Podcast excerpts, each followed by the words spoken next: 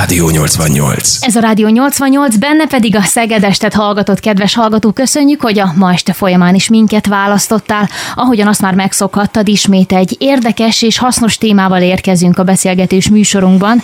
Ezúttal dr. Bencsi Krisztina, a Szegedi Tudomány Egyetem Neurológiai Klinika egyetemi docense a vendégünk. A témánk pedig az SM betegség, az a szklerózis multiplex egészen pontosan. Üdvözlöm a stúdióban, tanárnő! Köszönöm a lehetőséget. Nos, itt a beszélgetés rögzítése előtt már azért elkezdtünk jócskán beszélni arról, hogy pontosan milyen ismérvei lehetnek az SM betegségnek, illetve arról is szó esett, hogy hogyan lehet egyáltalán igénybe venni, akár itt Szegeden, a különböző ellátásokat annak érdekében, hogy az SM beteg minél inkább tudjon javítani a saját életminőségén, és az orvosok által minél inkább javuljon az ő életminősége. Ez egy meglehetősen összetett betegség. Először próbáljuk meg lefektetni azokat a definíciókat akár, vagy azokat a kifejezéseket, amik mentén megérthetjük, hogy pontosan mit jelent, hogy szklerózis multiplex. Hát nagyon nehéz kérdést tett föl nekem. A szklerózis multiplex elnevezését a betegségnek 1867-ben egy francia neuropatológus Sárkó adta, és ezt ha magyarra fordítjuk, akkor semmi más nem jelent, mint hogy több gócú hegesedés az agyban. És innét indul tulajdonképpen a betegségnek a idézőjelbe tett modern kori kutatása. Ugye ezt a több gócot az agyban, ez természetesen mindaddig nem láttuk, csak patológiai leletben, amíg az első emeri készülék el nem készült, illetve Magyarországon is a 90-es évektől kezdve ezek az emeri készülékek nem álltak a neurológia osztályok rendelkezésére, tehát nem tudtunk belenézni élő embernek a fejébe. Egy dolgot szeretnék induláskor leszögezni, a szklerózis multiplex egy borzasztóan ritka betegség. Tehát a jelenlegi 9,7 milliós magyar populációban 10 ezer betegről beszélünk, világviszonylatban két és millióról a 8 milliárdos populációban. Miért foglalkoznak mégis annyit ezzel a médiában is, és nyilván az orvosok is, és a tudományos kutatásban is, bár tízezer beteg, de társadalmi jelentősége messze túlmutat azon, mint amit a betegszámból gondolnánk. Hiszen ezek a betegek túlnyomó részt a háromnegyed részük 20 és 40 év közötti fiatal nő. Gondoljuk végig a nőknek a társadalmi szerepét. Abban az életkorban betegszik meg, ami a továbbtanulás, a pályaválasztás, a családalapítás időszaka. Tehát, hogyha ezeket a betegeket nem tudjuk megfelelően diagnosztizálni, kezelni, akkor ennek a fiatal nőnek a sorsa kapcsán számtalan egyéb családtag lesz érintett. A 90-es évek közepén, konkrétan 1996-ban 50 éves volt az amerikai betegszervezet, és akkor egy gyermekrajz pályázatot hirdettek, és ez a gyermekrajz, ami az első díjat nyerte, fejezte ki a legjobban, hogy mi a társadalmi jelentősége a betegségnek. A rajz úgy nézett ki, hogy a kerekesszékben középen ült a beteg édesanyja, mellette két gyerek, mögötte a feladatoktól megrokkant, hajlott hátú férj, és a háttérben négy kétségbe esett nagyszülő. Hiszen a férjnek kell fölvállalni egy személyben a család egzisztenciájának megteremtését, a gyerek nevelésbe is be kell segítenie, nyilván a nagyszülők, amíg tudnak, besegítenek, de amikor ők maguk szorulnának segítségre, akkor gyakorlatilag nem lesz mellettük támasz. Tehát ezért van az, hogy, hogy akkor a kutatási potenciál helyeződött a 80-as évektől kezdve ezen betegség kutatására, hiszen a társadalom legértékesebb fiatal korosztályát nem veszíthetjük el időnap előtt, hogy korán megrokkan, és hogy tíz életévet elveszít a születéskor várható élettartamából. Mik a főbb jellemzői ennek a betegségnek? Mielőtt a kérdését föltette, egy nagyon rossz gondolattal fejeztem be a mondatomat, úgyhogy szeretném egy kicsit megváltoztatni ezt az attitűdöt. Ma már napjainkban az SM-nek nincs olyan korformája, amelyikben ne lenne olyan terápiánk, amely a betegség aktivitását csökkenti, a betegség romlását felfüggeszti vagy lassítja, tehát lehetővé teszi azt a beteg számára, hogy meg tudja őrizni a munkaképességét, családot alapíthat, teljes értékű életet élhet. Ezért nagyon fontos, hogy minél hamarabb megfelelő szakember kezébe kerüljön a beteg, ahol minden lehetőség, mind diagnosztikailag, mind terápiásan rendelkezésre állnak, hogy őt a betegségének megfelelően kezeljék. Mik lehetnek az első tünetek? Amit nem szoktak komolyan venni. A betegek 20%-ának az első tünete a kóros fáradékonyság. Tudni kell, hogy a teljes beteg populációnak az 5%-a, ha 16 év alatt nézzük, gyerekkori beteg. Ha 18 évnek vesszük a gyakorlatilag a gyerekkor korhatárt, akkor 10%-a. És itt az első és legfontosabb tünet a kóros fáradékonyság, ami nem azt jelenti, hogy tegnap este buli volt, és ma délbe kelek föl mert nagyon elfáradtam, hanem elkezd valami fizikai tevékenységet. Azt csinálja egy-másfél órán keresztül, és úgy érzi, hogy megbénult a karja, és képtelen tovább csinálni, amihez hozzákezdett. Tehát nem lehet összekeverni valamiféle elfáradással. Majd, de sajnos összekeverik, azt mondják, hogy lusta, majd pihen egy fél egy órát, és mint mi sem történt volna, folytatja tovább a tevékenységét. Gondoljuk végig, hogy amikor ezt egy kamasz vagy egy fiatal embernél látja a környezetét, akkor vajon elrohan -e ezzel orvoshoz? Vagy pedig azt mondja, hogy elnye kisfiam, azért lehetne nappal is ugyanolyan aktívnak lenni, mint amilyen tegnap este a barátaiddal voltál a buliban. A másik gyakorlatilag a kognitív tünetek. Nagyon vigyázni a kogníció szóval, mert ezt a mindennapi köznyelven képesek vagyunk ugye helyből élből azonosítani az Alzheimer korral. Egy kicsivel többre való, ami idegrendszerünk, mint amit az átlagember gondol róla. Esemben három kognitív funkció sérül, az információ átviteli sebesség, ez gyakorlatilag a tanulási sebességet jelenti. A térbeli tájékozódás legegyszerűbben úgy lehet megfogalmazni, hogy a betegek mondják el, hogy egy idő után azért nem szeret autót vezetni, mert a tükrökből nem tudja fölmérni a távolságot, és nem mer előzni. És a harmadik pedig a verbális memória. Ugye ez a szóbeli kifejező képesség. Gondoljon bele, szerkesztő asszony, hogyha ilyen jellegű gondja lenne, akkor a munkáját mennyiben lenne képes ellátni. Szóbeli kifejező Biztos, képesség gondom Igen. van, ugye mindent le kellene írni, és, nagyban megnehezíteni a munkáját. Na most ezek a tünetek, ezek akut fellángolásként is jelentkezhetnek a betegségben, amikor ugye azt látják, hogy hirtelen megváltozott a tanulási képessége a gyereknek, és akkor viszik pszichológushoz és mindenfelé, hogy na de mi történt ezzel a gyerekkel, ez most ellustult, gondjai vannak az iskolában, vagy, vagy valóban van valami organikus háttér a dologban. Nagyon nehéz ezeket a problémákat idézőjelbe téve kiszűrni. Legtöbbször, amikor a felnőtt neurológushoz és az SM szakrendelésre kerül a dolog, és elvégezzük azokat a rutin teszteket, amelyek 15 perc alatt megcsinálhatók, derülnek ki az, hogy ezzel már probléma van, és hogyha megkérdezzük a beteget vagy a családtagot, akkor elmondja, hogy hát igen, egy másfél-két éve már ilyen gondok vannak. Aztán az az a tünet, ami rögtön elviszi a beteget orvoshoz, az az, amikor látóideg gyulladása jelentkezik. Tegnap még semmi baja nem volt, és ma reggel fölébred arra, hogy homályosan lát a jobb szemével. És ez estig akár teljes látásvesztésig vezethet. Ezek a mi egyszerű megoldásai a betegségeknek, mert ezzel a problémával nyilván elmegy orvoshoz.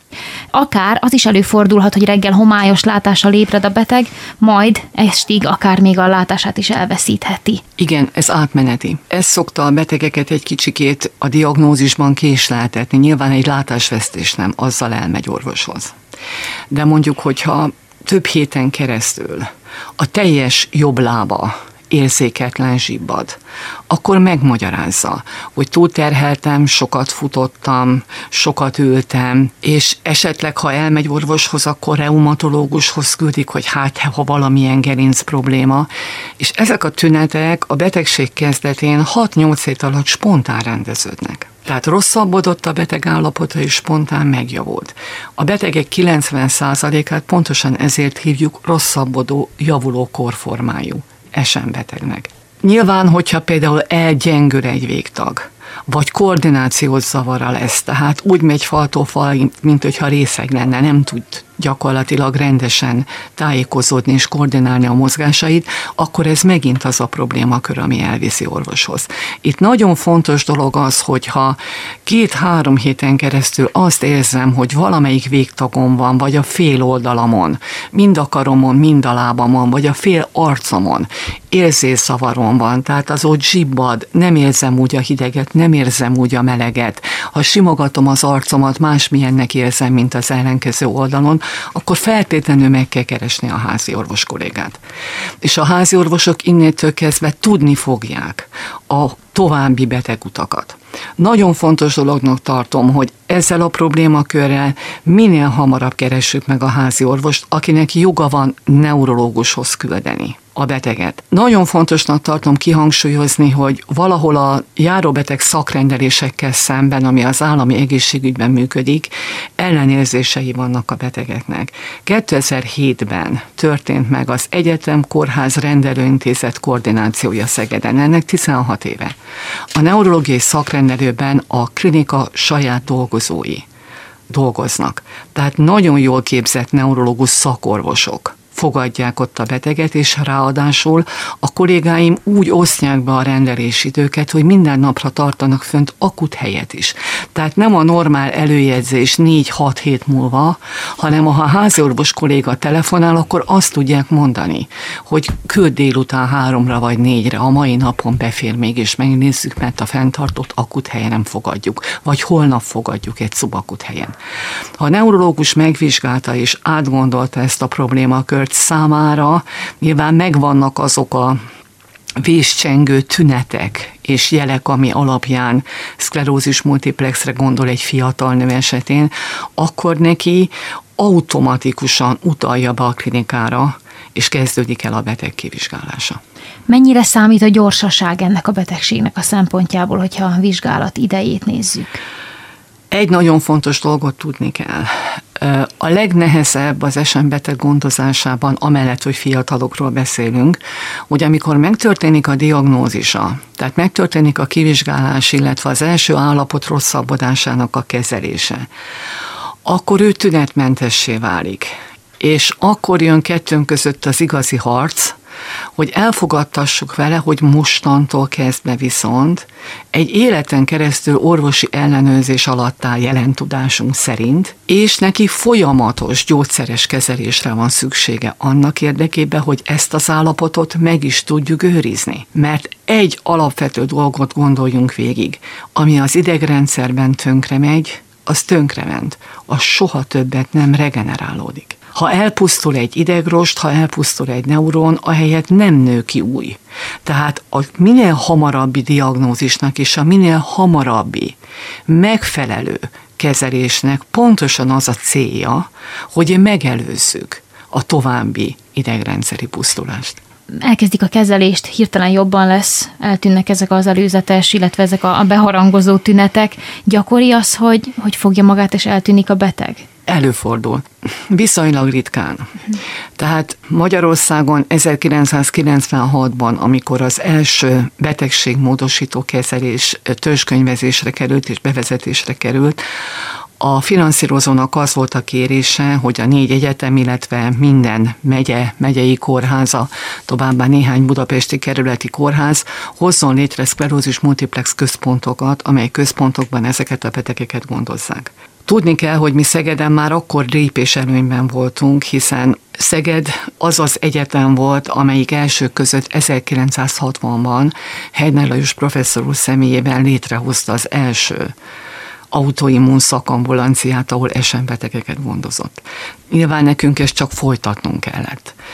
És Jelenleg mi országosan a legtöbb beteganyagot gondozzuk 1200 beteggel ebből a 10 ezer betegből, nem csak teljes Csongrád megyét, hanem Békés megye, Bácskiskun megye, Szolnok megye, Dél-Szolnok megye, akiket az ott a megyei kórházban működő centrumok kérik, hogy vegyük el tőlük, mert kapacitás hiányában nem tudják ellátni.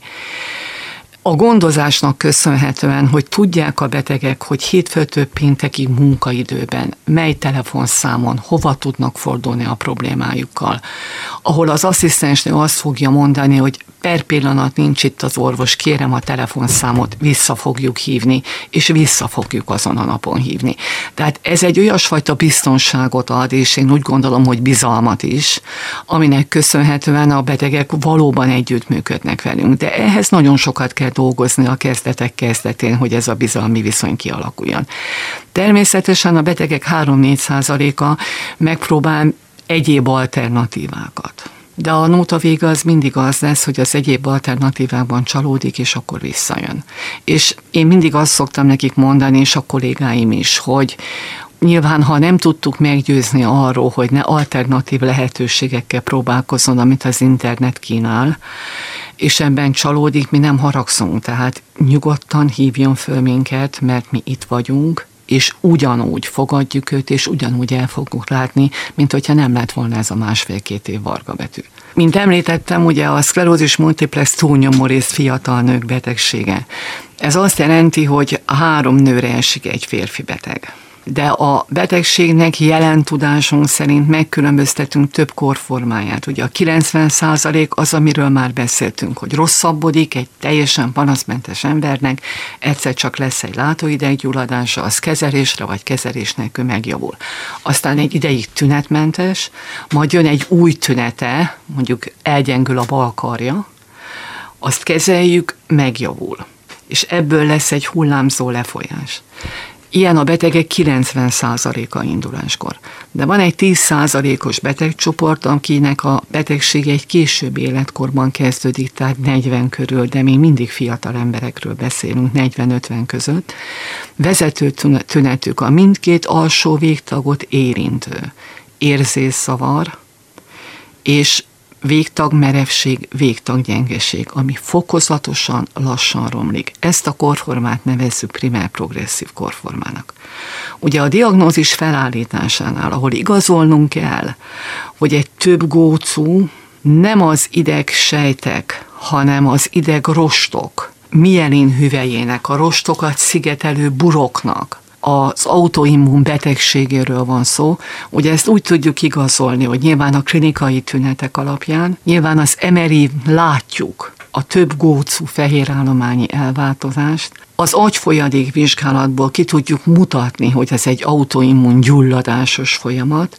Bizonyos elektrofiziológiai vizsgálatokkal ki tudjuk mutatni azt, hogy valóban az idegrostokon lévő mielin hüvely nem vezet jól a központi idegrendszeri pályákon, és akkor áll a diagnózisunk. A következő lépésünk az az, hogy meghatározzuk a korformát, és a következő lépés, hogy meghatározzuk a betegség aktivitást. Ugye ezer arcú betegségnek nevezik az esemet. Azért ezer arcú, mert nincs két egyforma. Mert van olyan beteg, akinek három-négy évenként van egy állapot rosszabbodása, van, akinek meg egy év alatt öt ugye teljesen egyértelmű, hogy sokkal rosszabb kilátásai vannak annak a betegnek, akinek évente három, négy vagy öt rosszabbodása van. És ugye csak kezdetben történik meg az a betegség elején, hogy spontán vagy kezelésre tünetmentessé válik a beteg. De minek utána itt évtizedekről szól a betegség, hosszú távon már nem lesz teljes a felépülés egy-egy ilyen akut fellángolásban, hanem maradnak vissza maradványtünetek, hiszen megtörténik az idegrost pusztulás is gyakorlatilag a mielin hüvely pusztulás mellett, és ez az, ami a beteget hosszú távon súlyosan mozgáskorlátozottá teszi. Tehát ezért nagyon fontos, hogy minél hamarabbi diagnózis, és minél hamarabbi kezelés, és a kezelés pedig a betegség aktivitásának megfelelően történjen. Tehát akinek ritkább, tehát ugye alacsonyabb betegség aktivitása van, arra is megvan jelenleg hat különböző gyógyszerünk, amivel kezelni tudjuk. Miért kell hat különböző? Mert emberek vagyunk, a betegnek jogában áll eldönteni, hogy ő injekciót akar, tablettát akar, napi egyszer akarja szedni, vagy kétszer akarja szedni, de azt is figyelembe kell vennünk, hogy fiatal nőkkel van dolgunk, tehát mely gyógyszer az, amely nem befolyásolja a gyermekvállalást hogyha magas betegség aktivitása van, ott is van több, négy-öt gyógyszer, ami rendelkezésünkre áll. De amit említettem az elején, hogy egy év alatt akár három-négy állapot rosszabbodása is lehet a betegnek, ezt hívjuk agresszív esemnek, erre is megvannak ma megfelelő terápiáink. Ugye amellett, hogy klinikailag látjuk, hogy mennyi idő telik el két gyakorlatilag állapot rosszabbodás között, nagyon fontos, hogy a diagnózis felállításakor elkészült MRI vizsgálat hány léziót mutat, tehát hány fehér állományi lézióban mind az agyi MRN, mint a gerincvelői MR vizsgálaton. Minél több, gyakorlatilag a léziószám az arra utal, azt prognosztizálja nekünk, hogy a betegnek magas vagy esetleg agresszív betegség aktivitása lesz, tehát ennek megfelelő terápiát kell választani. Mitől függ az, hogy ki az, akinek gyorsabb az állapotromlása, évente akár több, vagy pedig lassabb? Erre bármiféle erre olyan biológiai markert az emeren kívül jelen idő szerint nem tudok mondani ami a napi klinikai rutin rendelkezésére állnak. Az agyfolyadékból történnek molekuláknak a vizsgálata, amik ez messze vinne, és azt hiszem, hogy nem ennek a műsornak a tárgya, amik arra utalhatnak, prognosztizálhatják, hogy milyen betegség aktivitása lehet a betegnek, de ezek a dolgok ma még nem kerültek át a klinikai gyakorlatba, tehát én úgy gondolom, hogy ebben nem menjünk bele most ebben az adásban. Jó, jó, jó, rendben. Sok mindenről volt mindeddig szó, most pedig a terhesség, az áldott állapot következik a soron az SM betegséggel összefüggésben. Nagyon jó a kérdés felvetés. A betegetnek az szokott lenni az első kérdése. Fiatalok. Lehet-e gyerekem? Örökli a gyerekem a betegséget? Befolyásolja a betegségem természetes lefolyását? Az, hogy gyermeket vállalok tiszta lelkismerettel mondhatom, ma már bizonyított tény, hogy a szklerózis multiplex nem örökletes, a mendeli értelemben vett örökletes betegség. Tehát nem tudunk mutatni egy olyan gént, ami felelős lenne azért, amit ha átörökítek a gyerekemnek, akkor ő ugyanazt a betegséget fogja elszenvedni, mint ami nekem van. 2000-ben, amikor az emberi géntérkép gyakorlatilag leközlésre került. Akkor 2000 és 2005 között volt egy nagy Európa Uniós projekt, ami tízezer SM beteg és az ő családját az európai populációban, a teljes génállományát megnézve, ez egy óriási munka volt, kerestük, hogy van-e, be, van-e egy olyan gén, amit felelőssé tehetnénk az esemért.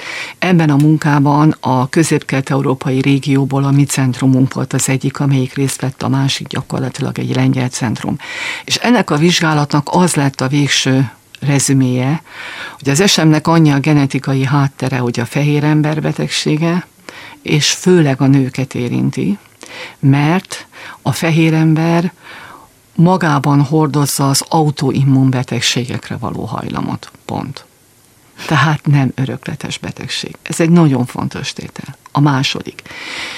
Én úgy kezdtem el neurológusként dolgozni 1987-ben, hogy akkor még azt mondták, hogy egy SMS fiatalasszony ne szüljön, amit arra a klinikai tapasztalatra építettek, hogy nagyon sok betegnek az első tünete szülés után jelentkezett.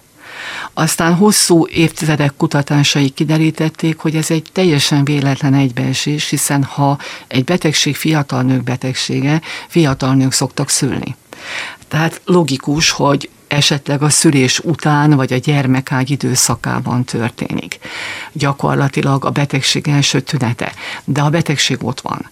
Tehát ma azt tudjuk, hogy bátran vállalhat, és annyi gyermeket vállalhat. Az SMS fiatalasszony amennyit szeretne, egy alapvető feltétele van. Azt mindig meg szoktuk beszélni, hogy mikor szeretne gyermeket, hiszen akkor vállaljon gyereket, amikor a betegsége idézőjelbetéve nyugalomban van.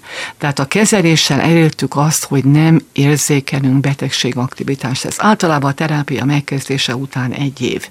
Amikor emelt kontrollálunk, fizikálisan kontrolláljuk mindenféle tesztekkel, és azt mondjuk, hogy most ő stabil, tehát nyugodtan vállalhatja.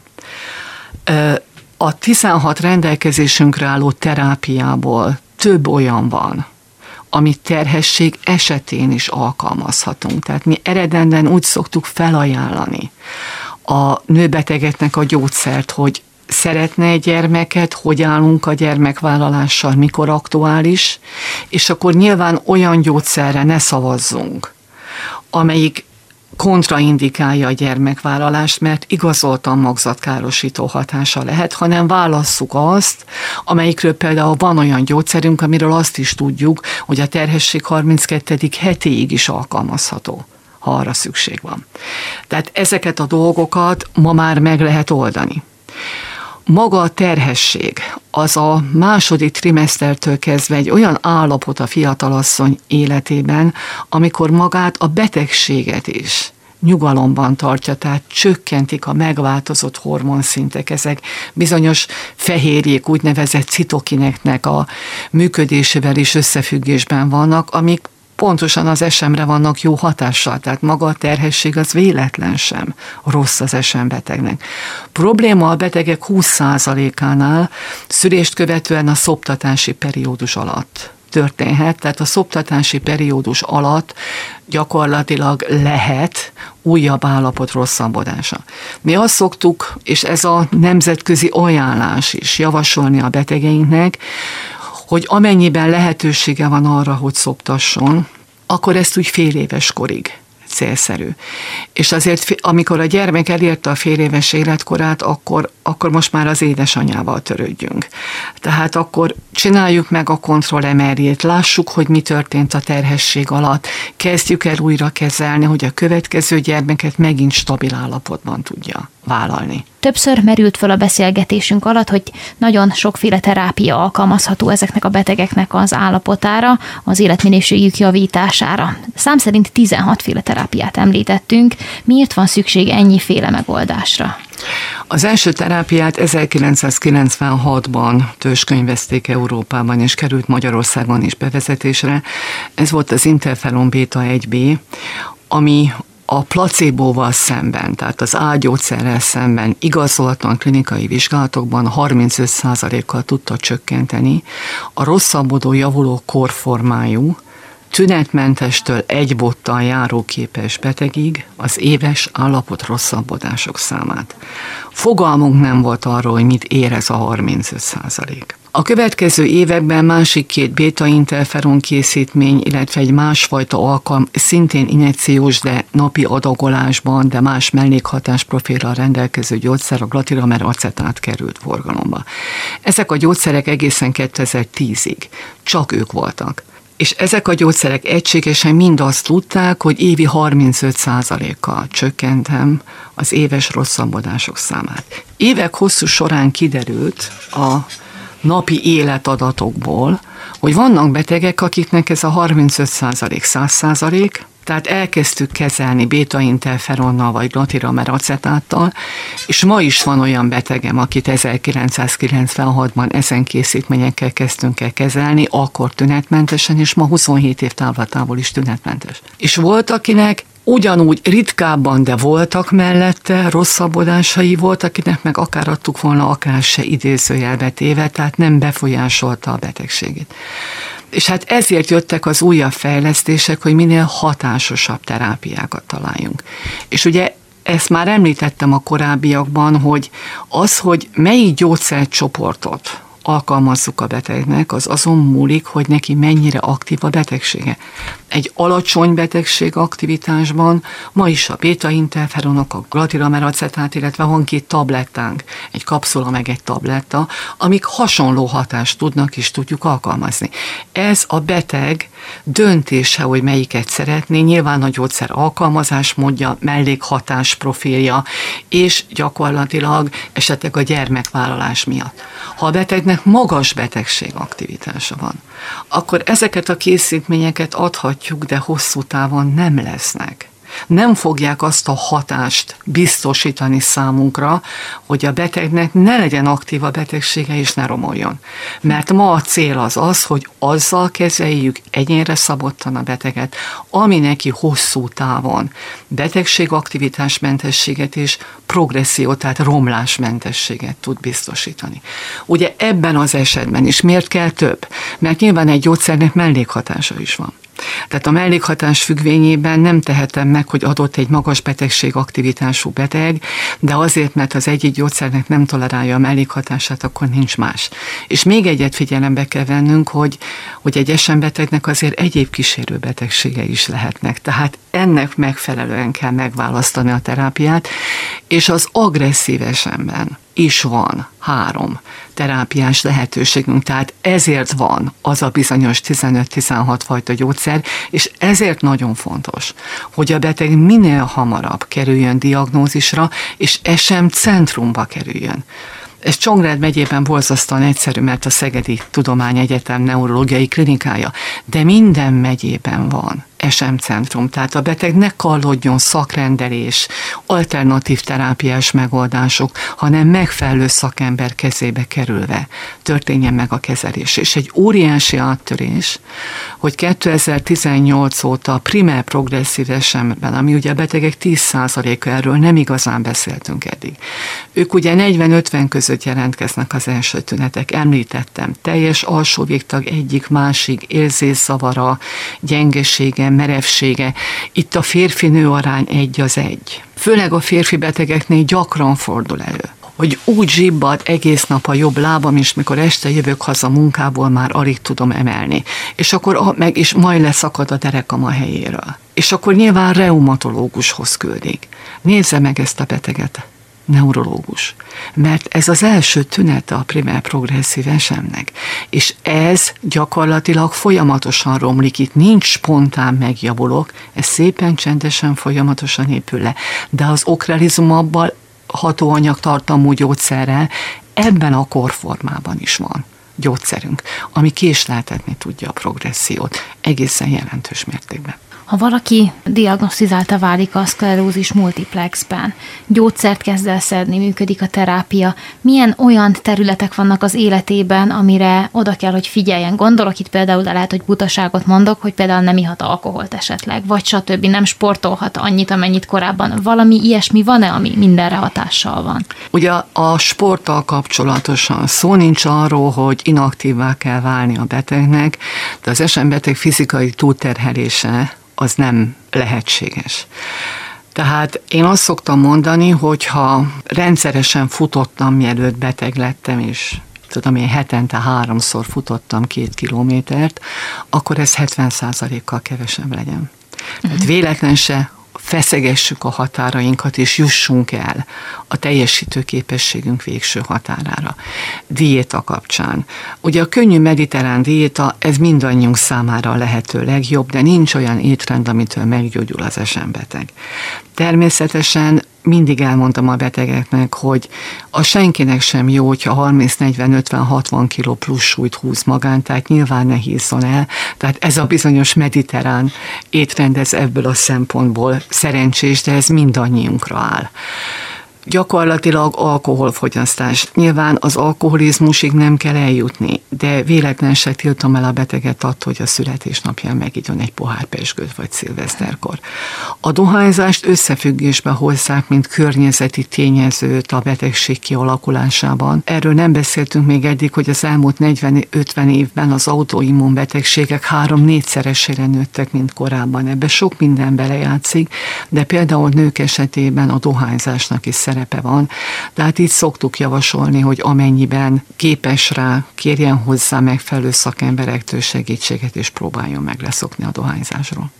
Gyerekkori szklerózis multiplex gyakorisága és kezelési lehetőségei, mert hogy erre is van példa, és van lehetőség ezzel dolgozni. A gyerekkori esemnek a létét nagyon sokáig megkérdőjelezték. Egy kiváló magyar gyerekneurológus, a Heimpál kórház volt főorvos, a Vereséva főorvosnő volt az, aki elsők között közölt arról, hogy gyerekek között is fordul elő esem. Ő akkor a betegség gyakoriságát a teljes betegpopuláció fél százalékának tekintette. Annyit tudott diagnosztizálni. Tehát, hogyha azt veszük, hogy tízezer esen beteg él Magyarországon, akkor ha annak a fél százalékáról beszélünk, akkor az durván egy 50 gyereket jelentett volna. A későbbi diagnosztikus fejlődések és kutatások kiderítették, hogy lényegesen több ennél de nyilván ritka. Minden azon múlik, hogy mennyi beteggel számolunk, hogy 18 év alatti életkort tekintünk gyerekkornak, vagy a 16 év alattit. A jelenlegi irodalmi adatok alapján 16 év alatt vesszük a gyerekkori SM előfordulási gyakoriságát, akkor az 5 százalék. Ha 18 éves korig nézzük a gyerekkori SM-et, akkor ez gyakorlatilag 10 százalék. Tehát ebből az aspektusból nézve, hogyha van 10 ezer betegünk, és annak az 5-10 százaléka 18 vagy 16 év alatti gyerekkori SM beteg, akkor egy 500 ezer betegről beszélhetünk országosan. Ez nem nagy szám. De nyilván annak a gyereknek, akinek ezzel a korképpel kell együtt élnie, meg az ő családjának, ez egy nagyon fontos dolog. Itt is el kell mondanom, hogy ezeket a gyerekeket minél hamarabb centrumba kell juttatni. Szeged Neurológiai Klinika gyermekneurológusai napi munkakapcsolataink vannak. Nyilván hosszú távon ezek a gyerekek kinőnek a gyerekkorból, és a felnőtt neurológus fogja kezelni. Szinte minden betegről, aki bekerül a gyerekklinikáról, esem gyanúval. Azokat referálják nekünk a gyerekgyógyász kollégák, megbeszéljük együtt, hogy mi legyen a kezelése, mert hosszú távon ezek a gyerekek majd a felnőtt neurológus keze közé kerülnek, és, és úgy kellene csinálni, hogy ő 18 évesen is tünetmentes, és minél tovább az élete folyamán tünetmentes legyen, és teljes értékű életet élhessen. Tudni kell, hogy azokból a gyógyszerekből, amelyeket a felnőtt SM betegeknél használunk, ma már öt olyan van, ami 10, illetve 12 éves kortól alkalmazhatva gyerekkorban is rendelkezik indikációval, tehát gyerekkori esemben is adható, felírható. Ez is úgy történhet meg, hogy felnőtt neurológus javaslatára írhatja a gyerek neurológus addig, amíg a gyermek ki nem nő gyakorlatilag a gyerekkor és az az által támasztott korlátokba. Hozzátartozik, hogy azért 14 év fölött mi a gyerekneurológusokkal úgy működünk együtt, hogy hát az a 14, meg 16, meg 17 éves biztos, hogy még mindig gyerek és ebben az esetben, hogyha a szülő beleegyezik, akkor a felnőtt neurológiára szoktuk fölvenni őket, és mi vizsgáljuk ki, és mi kezdjük el gyakorlatilag a kezelését is, hiszen hosszú távon egy-két éven belül ez a gyermek, ez felnőttként gyakor- az életkor alapján is felnőttnek számítva gyakorlatilag a mi betegünk lesz. Hogyan néz ki a gyakorlatban a kezelés? Milyen gyakran kell például a centrumot meglátogatni, akár gyerekkorban, akár felnőttkorban? Ez az adott terápiától függ. A nemzetközi ajánlás az az, hogy legalább fél évenként neurológus és kezelőorvosa találkozzon. Mi ezt az elvet 60 éve felülírtuk a klinikánkon, és ehhez a mai napig is ragaszkodunk, mi a betegeinket, akik valamilyen betegségmódosító kezelésben részesülnek, három havonként megvizsgáljuk. Ennek egyetlen oka van, hogy három havi gyógyszermennyiséget írhatunk fel a betegnek. De ami szakmai ok, és ragaszkodunk hozzá, hogy három havonként lássuk a beteget, az az, hogy egy akut állapot rosszabbodás az gyakorlatilag, mint említettem, 8-10 hét alatt spontán meggyógyul. Ha én fél évente vizsgálom csak meg a betegemet, tudok arról, hogy neki volt egy állapot rosszabbodása? Nem tudok róla hiszen kezdetekben spontán megjavul.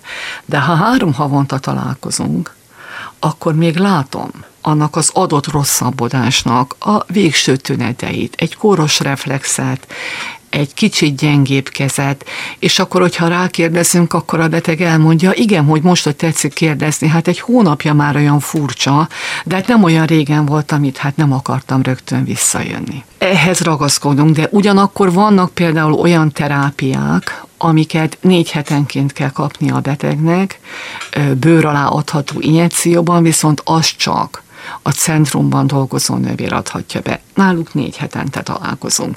Van olyan nagyon hatásos szerünk, ami a kezelés maga, az első ciklus az kórházi bentvekvéssel öt napig tart, majd egy év múlva három napig ismételjük, viszont az első ciklustól számítva öt évig a betegnek havi labor ellenőrzésének kell lenni. Ezek nyilván változtatni fogják a találkozások gyakoriságát. Mert ha a laborban eltérés van, akkor annak következménye van, tehát azt a beteggel meg kell beszélnünk. 7-8 évvel ezelőtt már egy másik kifejezéssel élnek általában a közbeszédben, ez pedig nem az SM betegség, hanem az SM-mel élő ember. Ez talán azt próbálja meg egy picit előirányozni, hogy a stigmatizálást, és ezt most idézőjelben mondom, mint olyat, próbáljuk meg mellőzni. Jól gondolom-e? Igen, nagyon jól gondolja. 30 évvel ezelőttig a szklerózis multiplexre, ha stigmákat gyártunk, akkor azt mondták, hogy ez nem betegség, hanem és nem diagnózis, hanem prognózis. Tehát ha megkapja az ember ezt a diagnózist, akkor fel kell készülnie arra, hogy 10-15-20 éven belül ő egy súlyosan mozgássérült emberré válik, aki kerekesszékbe vagy ágyba kényszerül. 1996 óta, amióta az első betegségmódosító kezelés rendelkezésünkre áll, és pláne az elmúlt tíz év fejlesztéseinek hála. Ma az a célunk az SM beteggel, hogy minél korábbi diagnózist kapjon, és egy életen keresztül tünetmentesen tartsuk.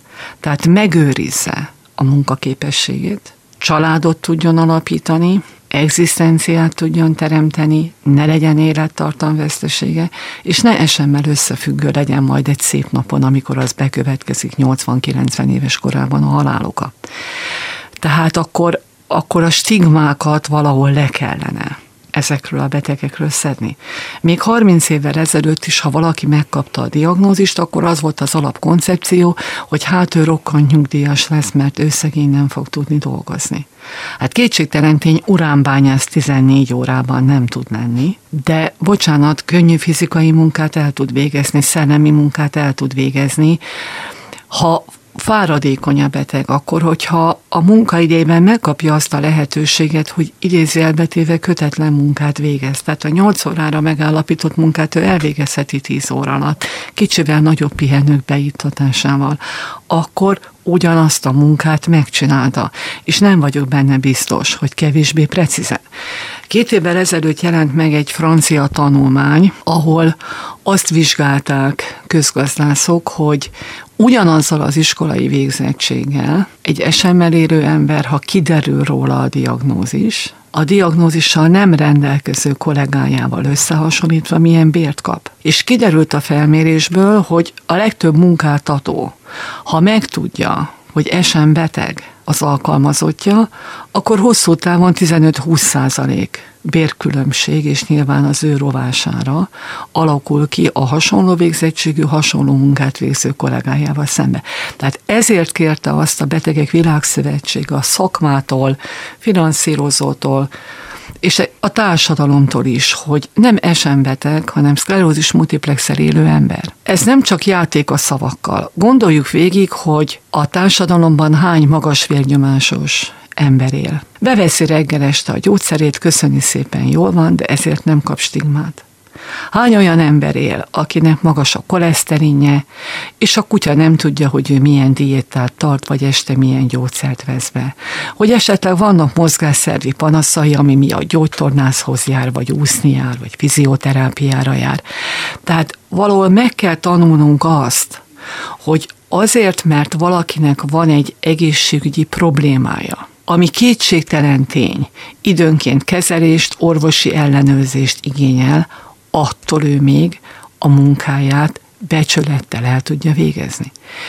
Pár évet csináltunk egy felmérést az általunk gondozott, és bocsánat, hogy én beteget mondok, mert az orvosnak betege van a klinikán, 70 százalék a felsőfokú végzettségű. Nem azért, mert az SM az a felsőfokú végzettségű emberek betegsége, hanem azért, mert a fiatalok betegsége, akinek fiatalon, amikor kiderül, hogy ezzel a problémával kell együtt élnie, rögtön elkezd tanulni, hogy mit tudok még megtanulni, mivel tudok könnyíteni, mivel tudom magam jobban eladni a munkaerőpiacon. Tehát nem vagyok benne biztos, hogy éppen ezért ők megérdemlik a stigmát. A családi közeget hogyan lehetne emlegetni az esemmel élő emberek szempontjából? Hogyan tud a család segíteni rajta? Nyilván, ha már felnőtt ember, akinek házastársa van, gyerekei vannak, nagyon komoly gond, hogy ugye maga a beteg úgy dönt, hogy nem akarja terhelni a gyerekeket, nem, nem kell, hogy rettegjenek ettől.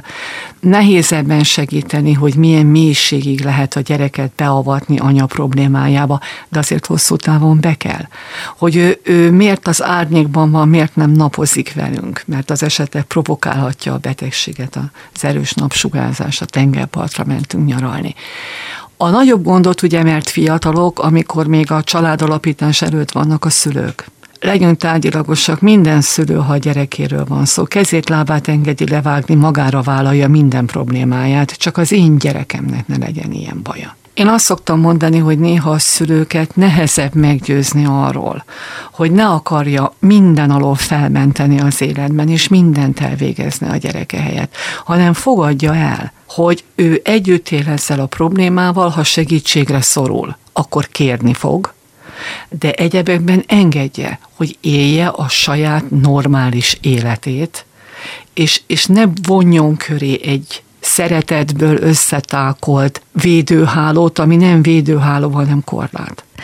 Beszélgettünk arról, hogy mi az, amit leginkább érdemes kidomborítani az egész szklerózis multiplex ellátás tekintetében, ami a lehető leghasznosabb lehet azoknak, akik akár közvetetten is, de érintettek mindebben. Az egyik ilyen a korai diagnózis volt, a másik a bizalom az állami rendszerben, a harmadik pedig az, hogy minél hamarabb jussunk el centrumhoz képzett, szakképzett segítségnyújtást igénybe venni. Na most leginkább itt a korai diagnózisból kezdenék, vagy abból indulnék ki, és aztán végig zongoráznám a többit is, hogyha ez így megfelel önnek. Tökéletesen. No, tehát a korai diagnózis az gondolom én, hogy azért fontos, nyilvánvalóan, hogy minél hamarabb elkezdődhessen a kezelés folyamata. Igen, a korai diagnózis az azért kell, hogy ne egy már idézelbetett tönkre ment idegrendszerrel próbáljunk meg valamit kezdeni, hanem a lehető leghamarabb elkapni a betegséget és kordába szorítani hiszen ez fog a beteg számára évtizedekig tünetmentességet, panaszmentességet, munkaképességet, teljes értékű életet jelenteni. Amikor már kezében van a bot, mert 15-20 évig nem kezelték, akkor már nem tudjuk visszapörgetni az időt. Akkor minden tevékenységünk arra fog korlátozódni, hogy ennél rosszabb állapotba ne kerüljön. De azt kell elfogadni, hogy napjainkban a korai diagnózis és a korai terápia az egy élettartamra szóló hatásosságot jelent betegség aktivitásmentességet, progressziót, tehát a romlásmentességet, teljes értékű életet. És akkor itt jön képbe az, hogy bízni kell a jelenleg aktuális állami rendszerben, mert legalábbis az ön elmondása alapján én azt a következtetést merem levonni, hogy ez egy tényleg jól működő, tényleg megbízható rendszernek tűnik az egészségügy keretein belül. 1996-ban említettem már, amikor az első betegség módosító kezelés igen, bevezetésre igen. került horribilis összegekről beszélünk, amiben egy-egy betegkezelési költsége kerül. Ez napjainkban gyógyszer típustól függően, betegség korformától függően évi 2,8 millió forint. Egy betegre Egy betegre vonatkozóan, és ez több évtizeden keresztül. Tehát ezek nagyon komoly összegek. Jelenleg a, a NEA költségvetésében az SM betegek gyógyszerköltsége 25 milliárd forint. Évente. Szinte. Évente. És ez az összeg évről évre nő. És egy nagyon fontos dolgot tegyünk hozzá, ezt az összeget a társadalombiztosítás úgy biztosítja a beteg számára, hogy ő a gyógyszerért havi 300 forint dobozdíjat fizet. Tehát mindegy, hogy a terápiás költsége éves szinten vagy havi szinten 400 ezer vagy 1 millió forint, az ő költsége az gyakorlatilag 300 forint dobozdi. Nyilván ezeket az összegeket senki nem tudja saját maga kifizetni. De ahhoz, hogy ezt a közpénzt a lehető legjobban használjuk föl a beteg érdekébe, ehhez megfelelően működő SM centrumok kellenek. Tehát én ezért térek vissza mindig 1996-hoz, hogy az, hogy Magyarországon a kezdetektől kezdve centrumokról beszéltünk, hova a beteg menjen, ez elengedhetetlen. Hogy kitekintés nyújtsak nemzetközire, 2018-as Európai SM Társasági szakmai protokollba került bele az, hogy SM beteget csak SM centrummal lehet kezelni pont. És az SM centrum feltételrendszerét is meghatározták. Ma ebben Magyarországon nagyon komoly feladataink vannak. Nyilván önerőből, a saját gondolatkörünkből, megfelelő irányelvek nélkül alakítottuk ki azt, hogy egy centrumban hány ember, hány nővér, hány adminisztrátor, milyen MR háttér, stb. stb. Öt éve tudjuk, hogy mit várnak el egy centrumtól, milyen személyi tárgyi feltételei vannak, mi vonatkozik a betegutakra vonatkozóan. Mi a Szegedi SM csoportban 2020-ban felmértük Magyarország SM centrumait a nemzetközi ajánlásnak megfelelően. Hogy hányan képesek teljesíteni a minimál feltételt, hány centrum képes teljesíteni az ajánlott feltételt. Óriási különbségek vannak országosan. Tehát ezt is, ez majd egy következő lépés lesz, amit a finanszírozóval kell újra gondolnunk, hogy melyek azok a centrumok, amelyek arra lesznek hosszú távon alkalmasak, hogy a minden feltételrendszernek megfelelő centrumokba referálják a betegeket, esetleges laborellenőrzéseket, utógondozásokat megcsinálják, és ki az, aki valóban meg tud felelni annak az ajánlott feltételrendszernek, amihez, hogyha hozzárakjuk a megfelelő betegutakat, akkor akár a kiválóságig is el tud jutni. De az alapok megvannak a betegnek az állami egészségügyben. Házi orvos, szakrendelő, centrum. Ez az útja, oda kell eljutnia. És olyan centrumban, ahol megfelelő tárgyi feltételek vannak, mert ez szolgálja hosszú távon az ő érdekét. Illetve még a terápia hűség, mert erről is szó volt.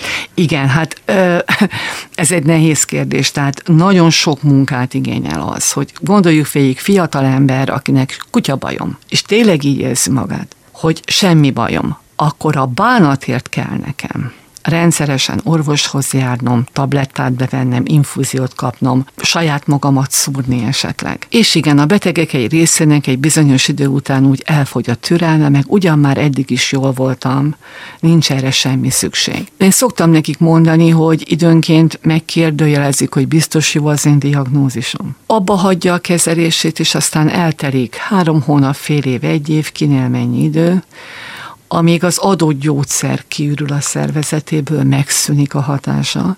Minél magasabb hatásosságú gyógyszerről beszélünk, ez annál hamarabb bekövetkezik, és elszenved élete legsúlyosabb állapot rosszabbodását. És azt már nem lehet visszafordítani. Ha szerencsénk van, sikerül, de itt már nem tudjuk, hogy mi fog történni, és milyen károsodások. Egy dolog biztos, amíg nem kezeltük, addig az idegrendszerben, a háttérben a rombolás az megtörténik. Egyet ne felejtsen el, sokkal, de sokkal többet kaptunk, mint amire a való működésünkhöz nap mint nap szükségünk van. De meddig pusztíthatjuk az idegrendszerünket? Meddig szól a tartalék? Tehát ez, ez jelent. Ez egy igen drámai kérdés. Tehát e- igen. ez jelenti mindig a fő kérdést, és nyilván ezért nagyon fontos, hogy, hogy megfelelő bizalom tudjon kialakulni a betegben, hogy tőlünk fogadjon el véleményeket, és ne az internetről tájékozódjon. Mikor beszéltünk erről a műsorról, rákerestem az interneten a Wikipédiára, hogy mi mindent tudott elolvasni, laikus ember a szklerózis multiplexről, annak kezeléséről, hát körülbelül olyan húsz év lemaradás a mai világtól. Ez részben megnyugtató, hogy már olyan sokat fejlődött a dolog, részben pedig Igen. bosszantó, hogy nem reális Igen, az információk. De, de tetszik érteni, a, a, a Wikipédia még egy jó platform, de nyilván azt fejleszteni kell, nyilván ezt önkéntes alapon csinálják, szóval húsz év 20 év elmaradás van terápiákban, még csak a hőskori platform terápiákat említi. Hogyha egyéb oldalakra megyünk, akkor borzalmas dolgok fognak kiderülni. És hát én ezt nagyon egyszerűen úgy szoktam megfogalmazni a betegeknek, hogy könyörgöm, minket kérdezzem meg és ne a szomszéd Marinénit, a Vajákos Birinénit, a Csontkovácsot, hanem lehetőleg az orvost. És természetesen emberek vagyunk, és nyilván nem mindenkinek elfogadható. Az, ahogy az adott orvos aktuálisan vele közdi, megbeszéli, Na de hát azért vagyunk például nálunk a centrumban heten a kollégáinkkal, hogyha én nem boldogulok, tessék megmondani, melyik kollégámat szeretné, hogy gondozza önt, kihez van nagyobb bizodalma. A szakmai alapelv ugyanez, és ezzel még csak meg sem sértöttünk. Nem szabad ezzel megsértődni. Mindenki ugyanúgy jót akar, ahány ember annyiféle, annyiféle stílus, egyszerűen ezt úgy szokták megfogalmazni, hogy kinek a pap, kinek a papné. De a legfontosabb az az, hogy, hogy az adott rendszerben maradjon a beteg, mert az szolgálja az ő érdekét. Mivel a műsor vége felé közeledünk rohamosan, ezért meg szeretném még kérdezni, hogy van-e bármi olyan jellegű dolog, amit még ezeken felül, bár így is rengeteg információt sikerült magunkével tenni, amit még ezeken felül szívesen közölne a szegedi lakossággal? Öt egy mondatban megfogalmazható gondolatot. A szklerózis multiplex ritka betegség. Nagyon szépen kérek mindenkit, ne kezdje el magát figyelni, és ne legyen esen fóbiája. Szeged városában 170 ilyen beteg él, és ebben a populációban évente diagnosztizálunk gyakorlatilag 10-12 új beteget. Tehát nem egy gyakori betegségről beszéltünk. A gyerekkori esen még ritkább. Ha panasz van, akkor szakemberhez fordulni és az állami egészségügyön keresztül szakemberhez fordulni. Házi orvos, házi orvos irányítsa a neurológia szakrendelőhöz, hívja fel a kollégáimat, és mondja azt, hogy ez egy szubakut vizsgálat, tehát nem a normál négy hetes, hat hetes előjelzés hamarabb tudjon bekerülni járó betegként. Onnantól kezdve a kollégák tudják, hogy mi a dolguk akkor már a klinikára fog kerülni, diagnózisa lesz, és nyilván maga a járó betegcentrum gondozásba fogja venni. Bármennyire is nehéz elfogadni, de azokat a régi téves eszméket, hogy mostantól kezdve látom magam előtt, hogy hogyan válok mozgáskorlátozottá, milyen gyógyászati segédeszköz kerül a kezemben, nem. Ha megfelelő diagnózis, megfelelő terápia, akkor teljes értékű élet évtizedeken keresztül tovább tanulhat, családot alapíthat, gyermeket vállalhat, gyermekeket vállalhat. Annyit, amennyit ő és a párja eldöntenek. Másnak nincs beleszólási joga. Beleszól az orvos, nyilván a terápia miatt beleszól, akkor olyan terápiát választunk, ami mellett a gyermekvállalás is megoldható. És nem betegségtudat.